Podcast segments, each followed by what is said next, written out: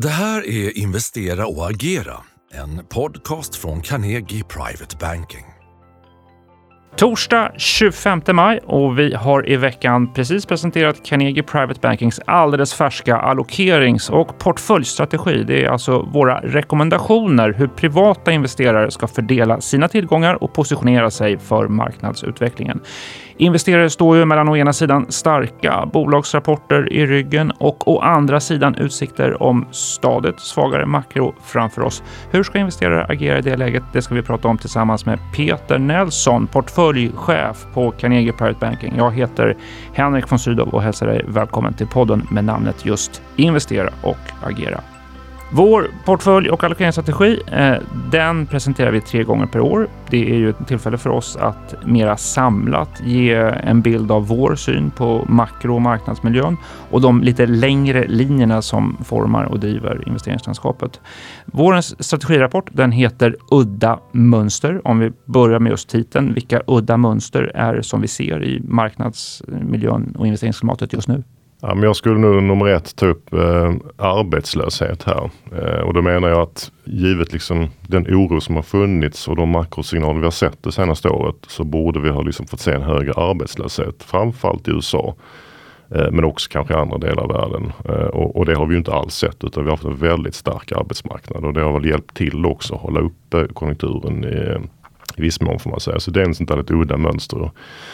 Um, en annan sak kan man väl säga är tycker jag att råvarupriser faller faktiskt. Vilket skulle då vara en normalt tecken på sämre konjunktur. Samtidigt ser vi till exempel verkstadsbolag, industribolag som gör rekordvinster och som också har handlats väldigt bra på aktiemarknaden. Det är väl ytterligare ett exempel på ett sånt här lite udda mönster som inte stämmer kanske med, med, med hur det historiskt har, har sett ut.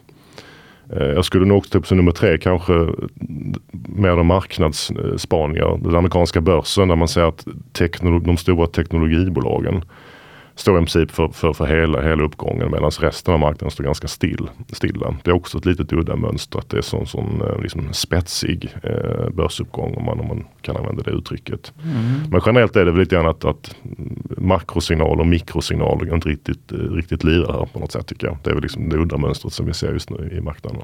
Just det. Makro och mikro lirar inte riktigt med uh, varandra. Uh, kartan stämmer inte riktigt med terrängen. Uh, vilka, vilka är de faktorer som i det läget allra mest påtagligt kommer prägla och forma investeringslandskapet framåt? Ja, vi tror, det kanske lite tråkigt svar, men vi tror nog att det är ganska mycket samma saker som vi har haft på agendan, jag säger det senaste året eller så. Så det är ju inflationen fortfarande tror jag, eller tror vi, som är väldigt viktig framåt. Eftersom det ändå i sin tur kommer påverka ränteutvecklingen så mycket. Alla tror ju på att inflationen på något sätt att det är då en fallande trend nu från väldigt höga nivåer och att vi har sett det värsta och att förhoppningsvis även då räntorna har, någonstans eh, har nått sin topp och kanske kan börja falla så smått. Eh, så det är väl det vi hoppas på och tror på. Men, men, skulle vi få bevis på att så inte är fallet då kan det liksom bli ett, ytterligare kanske en jobbig fas här framåt, framåt hösten och så vidare. Exempelvis igår kom det en inflationssiffra från faktiskt England som avvek. Den, den var högre än förväntat så där fick man väl lite sådär klia sig lite i huvudet då liksom. Eh, så vi vill nog inte se för mycket mer av den varan tror jag. Så att inflation och räntor tycker jag det blev liksom, det blir man tvungen att hålla koll på även framåt. Och sen eh, det kommer ju i sin tur väl då omsättas i vilken typ av, det pratas så mycket om landning mm. vilken land, hur, liksom, vilket konjunkturscenario får vi helt enkelt. Så det tror jag också då eh, blir viktigt framåt. Och sen teknologisektorn som jag nämnde inledningsvis, eh, som har gått väldigt bra. Den, den är, är ju dominerande för marknaden. Så att hur kommer den att klara sig framåt? Och om vi ska ta en fjärde faktor också, nog Kina, det är alltid viktigt. Mm. Speciellt då är det ju liksom den här ekonomiska återhämtningen som alla har pratat om och nu har det till och med kommit till nyheter och nya, nya kanske covid, covidvågor också. Så att Kina mm. får vi också hålla ett öga på helt klart framåt. Mm, det var fyra faktorer där, mm. inflationen, eh, konjunkturen, techsektorns utveckling och Kina förstås. Mm. Då. Eh, du var inne på det just att eh, under vintern och våren så har ju marknaden pendlat mellan lite olika konjunkturutsikter. Vi har pratat om just de här termerna Eh, soft landing, hard landing, no landing, att det bara rullar på, det bara kör på. Hur skulle du beskriva det konjunkturscenario som vi har framför oss under återstoden av året? Ja, men ska vi satsa en slant på något så skulle jag nog säga att det blir någon form av mjuklandning. Åtminstone har liksom scenariot för det har ökat under de senaste månaderna eller liksom under vintern och våren på något sätt. Att någon form av mjuklandning. Eh, I det begreppet ligger trots allt kanske att, att en viss avmattning. Eh, så att liksom det är inte bara happy days utan Eh, någon typ av avmattning men att inte det blir den här stora recessionen. Så att eh, vi sätter en slant på, på mjuklandning men det det är ju väldigt osäkert och svårbedömt, det ska man samtidigt säga konjunkturnedgången får ju anses vara välkänd. Vi har ju pratat ja. om den eh, sen förra hösten. Faktiskt. Verkligen. Väl aviserad konjunkturnedgång. det talar väl för att den inte blir kraftiga ryck i den kanske då. Mm. Du, eh, givet det konjunkturscenariot, givet ändå någon form av mjuklandning, en viss avmattning. Eh, vad betyder det för, för vår rekommendation om allokering och strategi framåt? Hur ska investerare positionera sig för marknadsutvecklingen? Ja, vi tycker vi har just nu en väldigt neutral syn på tillgångslagen här. Så att kanske lite, lite mellanmjölk, lite tråkigt. Men, men eh, det är svårt tycker vi nu att, att tydligt välja, välja sida här. Så att vi förespråkar neutral allokering i faktiskt alla tillgångslag. Så att det är både, vi pratar både aktier, eh, räntebärande och, eh, och alternativa investeringar.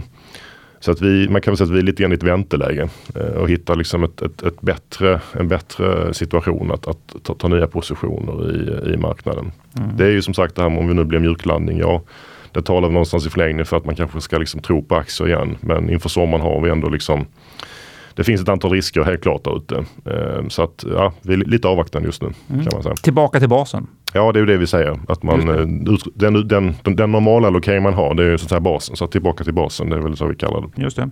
Och det du säger nu, vad betyder det för tillgångslaget svenska aktier? Var ökar vi innehavet? Vad är vi mer försiktiga med?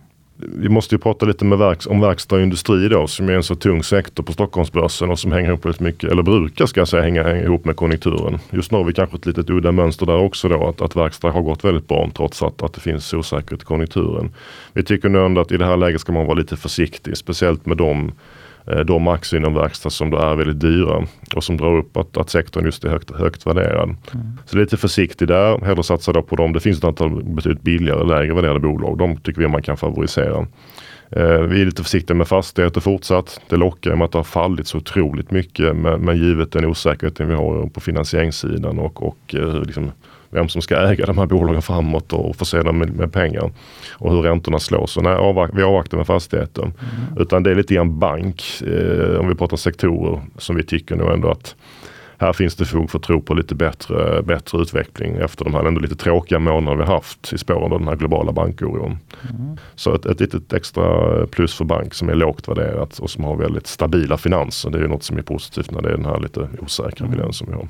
Försiktigt med verkstad, verkstad, avvakta med fastigheter, öka exponeringen mot bank då. Om vi blickar mot ägandet av utländska aktier, eh, vill du resonera där? Vilken geografi för utländska aktieinvesterare tycker vid det läge att öka exponeringen mot? Mm. Vi har lyft upp eh, europeiska aktier eh, lite grann eh, här på sistone och det blir ju på bekostnad av USA. Och det är väl USA är ju den marknaden som står ut som, som, som dyrast. Då kan man ju säga att ja, men det brukar den kanske göra också. Eh, men vi tycker nu ändå att i princip oavsett vilken sektor vi tittar på så ser europeiska aktier mer rimligt värderade ut än, äh, än de amerikanska. Så hellre Europa än USA. Äh, och till det kan man också lägga, lägga lite grann valutan. Att man har ju haft de sista åren ganska god hjälp av, av en stark dollar när man har investerat, alltså som svensk investerare, eh, investerat i amerikanska aktier, att man har fått en valutakomponent med sig. Vi har ju svårt att tro att det kommer att vara samma utveckling framåt som kommer att hjälpa det där. Så att hellre Europa än USA om vi pratar geografier. Mm, hellre Europa än USA. Du är inne på det också att USA är dyrt. Du pratade tidigare om att tech har drivit uppgången. Ehm, vill du resonera? Ser vi en eh, eh, det täcker väldigt dyrt, delvis drivet av AI-hypen nu. Eh, är, det, är de stora amerikanska techbolagen övervärderade? Ja, det är en svår fråga att svara på faktiskt. Eh, tittar man okulärt på det så skulle man nog kunna komma fram till slutsatsen att ja, de ser lite dyra ut. Samtidigt så då måste man ju säga att de går, de går väldigt bra just nu. Många ligger väldigt rätt positionerade för de trender vi ser. Senast igår kom ju då en av de här eh, bästa aktierna, Nvidia med rapport som såg extremt stark ut. Och det är mycket just den här AI-hypen som du nämner som, som påverkar. Så att momentum är starkt och det finns ju egentligen ingenting just som tyder på att momentum håller på att slå med de här bolagen. Det ska man komma ihåg. Men om vi liksom sträcker ut horisonten lite grann så tycker vi nog ändå att de ser ganska dyra ut. Så vi har ju passat på att minska lite de här bolagen av det vi har i portföljerna på sistone. Men återigen, det, det är en stark, stark momentum, stark mm. trend som man kanske inte bara ska ställa sig helt i vägen för just nu. Mm. Alltid viktigt med ett portföljtänk för investerare förstås, eh, inte minst i det här läget när högre räntor ger fler placeringsalternativ. Eh, läge då prata idéer för hela portföljen. Vilka affärsförslag vill du särskilt lyfta fram som inte är investeringar i aktier då? Eh, nej, men då skulle jag ju säga att eh, just på, på, på, temat räntor, att räntorna har kommit upp. Vi tycker att eh, det vi kallar för då europeiska investment grade obligationer ser väldigt intressant ut. Man skiljer ju på investment grade mot high yield. High yield har högre risk, lite sämre bolag medan investment grade är de, då, de lite mer stabilare bolagen. Eh, där får man idag, tycker vi, väldigt bra kompensation för att ta den då ganska ändå begränsade risken. Det är väldigt låg konkursrisk i, i den här typen av obligationer. Eh, och man kan få en ränta på idag drygt 4 i, i kronor eh, utan valutarisk. Så det tycker vi då är ett, det är ett bra alternativ helt klart till aktier om man vill inte ta den här höga volatiliteten som det är på aktiemarknaden. Och man brukar ibland jämföra den här räntan mot direktavkastningen på aktier och då är, då är faktiskt räntan nu högre än vad direktavkastningen på de aktierna är. Så har det inte alltid varit historiskt, framförallt inte de senaste åren. Finns tydliga alternativ till aktier nu på ett sätt? Ja, men det gör ju det definitivt. Så som investerare ska man ha, det tycker jag att man ska ta med sig. Har man inte haft räntor tidigare eller tyckt att det inte varit intressant så, så nu är det nog läge att man ska ha lite sånt i sin portfölj i så fall. Eh, så att det är väl, det är väl liksom ett konkret eh, råd här. Och sen tycker vi även, vi, vi, vi, brukar prata om vikten av diversifiering generellt. Du är inne på det lite grann här ju. Eh, även inom den, om man pratar alternativa investeringar. Den här oron som man har sett nu på valutamarknaden och på, på, på räntemarknaden. Den brukar gynna det vi kallar för global macro-förvaltare. Det är olika typer av hedgefonder som är duktiga på att ta positioner just vad som händer i den stora världen. Och när det är stor osäkerhet då blir det väldigt bra möjligheter för den typen av förvaltare. Så sånt gillar vi. Det har vi ökat upp inom tillgångslaget alternativa investeringar. Mm. Och på temat då differentiering eh, för svenska privata investerare. Global diversifiering, det där är ju ett tema som eh, vi presenterar i rapporten också. Vill du utveckla? Ja, nej men vi, ett speciellt intressant tema tycker vi är eh, energiomställning. Och där har vi en, en, separat portfölj för det faktiskt som vi kallar för Global Stockpicking. Eh, Eh, jag tror alla, alla förstår att det kommer att ske enorma investeringar inom det här området de kommande åren eftersom eh, energikrisen förra vintern satte lite grann fokus på den här frågan. Så att det kommer att vara enorma investeringar på att ställa om till, till eh, liksom, ny energi. Mycket av detta kommer att ske utanför Sveriges gränser. Så jag tänker på att många, många av de bolagen som man kan investera i är noterade på andra börser. Det vill säga att man måste titta utanför Sveriges gränser.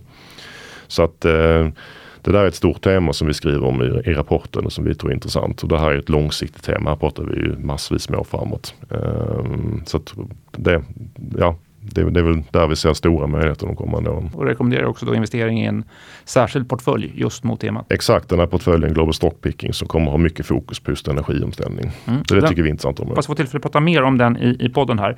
Ska vi ta och ha några frågor om den, om den kortare sikten framåt här? Alltså om vi ska titta då, vi pratade ju portföljtänket, om vi ska resonera om vilka till, tillgångslag i portföljen som, som du tror eh, blir vinnare under sommaren och andra halvåret. Ja, och då blir det lite så här eftersom vi har den här neutrala inställningen så har vi inte riktigt någon tydlig preferens i nuläget. Sen pratar väldigt många om att, att sommaren brukar vara en väldigt svag period för aktier. Så att det är klart att man kanske ska vara lite, lite på sin vakt här de kommande veckorna, månaderna. Å andra sidan brukar faktiskt juli vara en väldigt bra månad. Så det är att man ska kanske inte bara eh, lägga sig i hängmattan he hela sommaren vad gäller placeringar. Men, men, men, ändå, det är väl lite sådär, vi tror att börsen är, eh, har, kan, kan sjunka lite i närtid men att den sen kan hämta sig igen eh, under hösten lite grann. Så att jag tror att det är ganska jämnt skägg om vi pratar resten av året mellan faktiskt de här olika tillgångslagen. Det är ingen, liksom, ingen tydlig preferens. Jämnt skägg, vilket återspeglar den neutrala eh, ja, positioneringen då. Eh, och du var delvis inne på kartan för Stockholmsbörsen framåt. Eh, om du skulle få frågan ändå, står Stockholmsbörsen högre vid årsskiftet än vad den gör idag? Vad svarar du då? Ja, men jag gissar nog ändå att den står lite högre och det bygger på att vi löser sådana frågor som skuldtak och sånt som står i, inför oss här i närtid. Men eh, att, det, att, att det blir någon typ av mjuklandningsscenario. Då tror vi nog att vi kan ha lite högre kurser vid slutet, årets slut, men inte, inte massivt högre. Mm. En vanlig fråga eh, som vi får från investerare det är spelet mellan dollarn och kronan. Eh, ditt svar på frågan, har dollarn pikat mot kronan? Ja men det tror vi. Om vi tittar på en lite så här längre rörelse så tror vi att det var toppen vi såg när vi var en bit över, över 11 kronor. Nu här bara på sista, sista veckorna har faktiskt dollarn kommit tillbaks lite igen. Men, men ändå så att jag skulle säga ja vi tror att, att den stora dollar eh, alltså perioden med dollarstyrka är över. Det tror vi. Så att det är mer, mer, mer med att faktiskt kronan kanske kan ta igen lite grann nu. Kan den gå ner mot 10 kronor under Skulle kunna ske. året? Mm. Skulle kunna ske. Mm.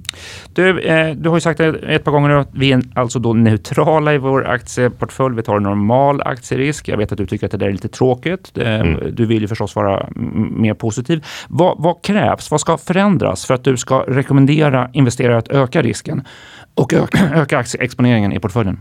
Ja men det, det, det uppenbara är ju om vi får en, vi, vi pratade lite i den här rapporten också om att vi har sett att marknaden har konsoliderat nu. Alltså börserna har, har rört sig inom ett intervall på ungefär 10% de senaste månaderna. Eh, kommer vi ner i, i den nedre delen av det intervallet, det skulle kunna vara tillräckligt faktiskt för att vi liksom tycker att ja, men, allt annat lika då, att något annat har förändrats. Så en, någon typ av sommar, sommarnedgång skulle vi nog kunna tänka oss utnyttja för att öka, öka aktieandelen. Det andra är om vi på något vis får nya indikationer på de här stora sakerna vi har pratat pratat om det här med inflation, räntor och konjunktur som gör att vi känner då en större konfidens att vi verkligen får en mjuklandning och inte något mer negativt scenario.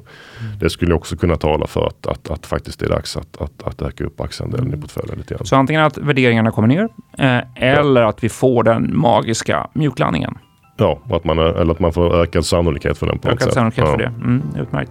Bra, vi tackar Peter för samtalet. Världen är ofta då svårtolkad. Eh, vår riskaptit just nu är begränsad. Du var inne på det att selektivitet är nyckeln eh, i det här läget. Försök hitta Eh, det man kan kalla för strukturella vinnare då inom till exempel energiomställningen. Plocka guldkornen i ett osäkert läge. Ni som är kunder på Carnegie, eh, ni kan ta del av hela den här strategirapporten genom att logga in på carnegie.se.